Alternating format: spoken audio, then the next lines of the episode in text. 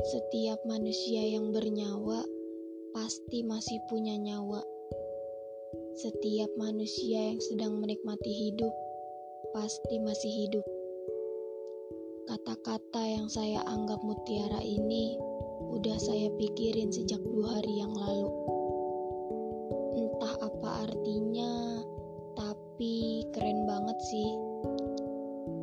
Terinspirasi dari silaunya kepala bapak-bapak tanpa sehelai rambut yang lebih mirip batu bacan setelah digosok. Lebih tepatnya sih botak ya.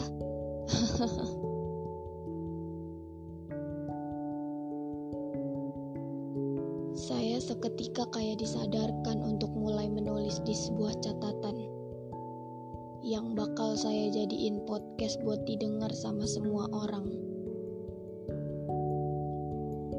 Di antara kalian, kecuali kamu yang selalu gagal move on dari mantan. Karena mau ngapain aja pasti selalu terbayang-bayang.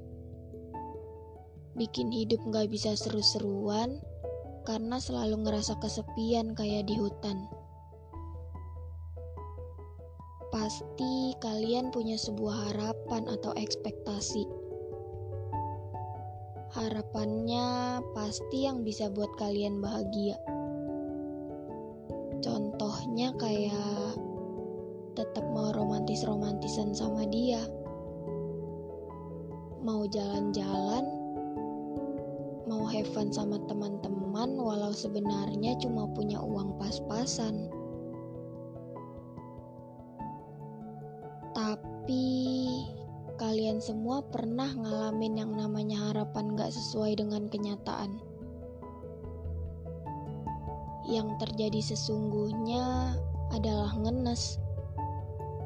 Rumusnya adalah ekspektasi lebih indah daripada realita.